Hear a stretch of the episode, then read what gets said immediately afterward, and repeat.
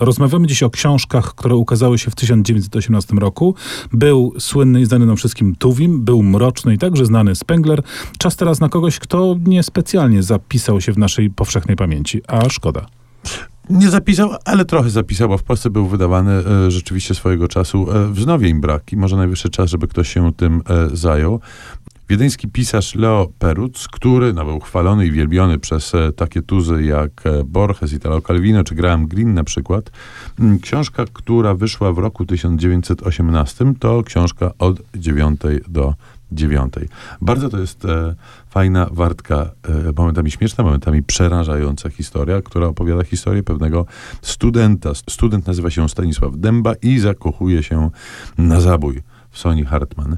Sonia Hartman jest dość koszmarną i niesympatyczną postacią, próżną, oczekującą tylko i wyłącznie pustych hołdów, albo nie pustych, tylko właśnie pełnych hołdów i dowodów oddania. Mm, no i Stanisław Dęba dowiaduje się, że Sonia wybiera się na wakacje.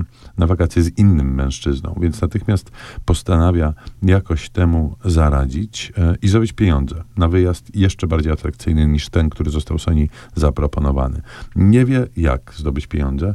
Mm, na szczęście ma dostęp do jakichś bardzo cennych woluminów. Pięknych, Ale to może już nie mów za dużo, żebyśmy ewentualnie ksiąg, mogli sobie to, doczytać. To, to, to, w ogóle jest sam początek fabuły. Pamiętaj, co mówiliśmy dzisiaj o spoilowaniu. Piękne i cudowne woluminy, które nie są jego, ale on postanawia je sprzedać, jest aresztowany, ucieka przez okno z kajdankami na rękach i przez cały dzień błąka się po Wiedniu, yy, wiedząc, że musi załatwić dwie rzeczy. To znaczy pozbyć się kajdanek i zdobyć pieniądze na wyjazd Sonią. Zwrot akcji, którego zaspoilerowanie byłoby niewybaczalne, jest dopiero pod koniec książki i tu rzeczywiście się powstrzymać. Chociaż mówienie o, o, tym, że jest z redakcji już jest formą spoilowania, drogi Szymonie. Y, przejdźmy do czegoś, co znane jest nieco szerzej, choć y, no, o takim masowym czytaniu pewnie być mowy nie może.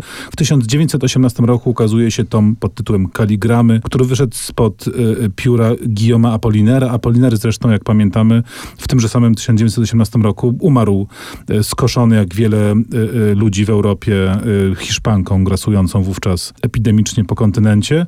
Kaligramy to rzeczywiście no, swoiste wariactwo wizualno-tekstowe. Jak Państwo pewnie kojarzą, to są wiersze, które układają wiersze się w, w rysunki. Tak, wiersze w kształcie. A to wieże Eiffla, a to kamienicy, a Albo wiersz pod tytułem Serce, korona i lustro ma kształt serca, korona i lustro. Bardzo ładny jest ten z koniem, właśnie z kapeluszem i tak dalej. Czyli rzeczywiście jest to pomysł, który był wówczas zupełnie nowatorski, i, a dziś jest wręcz standardem na przykład w takiej ciekawszej literaturze dziecięcej, czyli właśnie zabawa czcionką, zabawa typografią, zabawa układem tekstowym, która oczywiście nie jest zabawą czczą tylko, bo ma na celu jednak przekazanie pewnych treści. To bardzo ciekawy i warty oglądania i czytania tom. Niesamowite jest to, że to e, książka też ukształtowana przez I wojnę światową, która dopiero co wybrzmiała, tylko ona jest tam obecna inaczej, bo pojawiają się wybuchy, ale raczej przypominają fajerwerki. E, to mm, jest rzeczywiście tak, że Apoliner doświadczał przede wszystkim I wojny światowej z pewnego oddalenia. Był na froncie, zaciągnął się, żeby bronić ojczyzny swojej ukochanej, ale ta wojna u niego w kaligramach nie jest wojną dojmującą i przejmującą, tylko taką wyestetyzowaną. No a w piątej propozycji do dzisiejszej listy wojny nie ma w ogóle nawet śladu, bo oto Beatrix Potter, znana autorka książeczek dla dzieci, wydaje swoją kolejną, jedną z ostatnich w tym takim głównym jej cyklu powiastek, która nazywa się Jaś Wielkomiejski. Trudno o bardziej pacyfistyczną lekturę rzeczywiście. Ta książka w ogóle trafiła do Polski po wielu, wielu, wielu latach. Tak, bo rzeczywiście Beatrix Potter obecność w Polsce miała jakoś trudną i późną, ale rzeczywiście mamy już jej teksty w całości. To jest historia oparta na bajce Ezopa, w której mysz miejska, ten Jaś Wielkomiejski spotyka mysz wiejską, czyli Tymka Wierzbaka. No i oczywiście okazuje się, że co jest fajniejsze? Miasto czy wieś, jak myślisz? Wieś oczywiście. No pewnie, że wieś. Wiadomo, że Beatrix Potter była wielką wielbicielką wsi i sławiła ją na różne sposoby. Taki też jest ten tomik, wydany w tym trudnym 1918 roku, który zamyka naszą, y, mamy nadzieję, że choć trochę zaskakującą listę.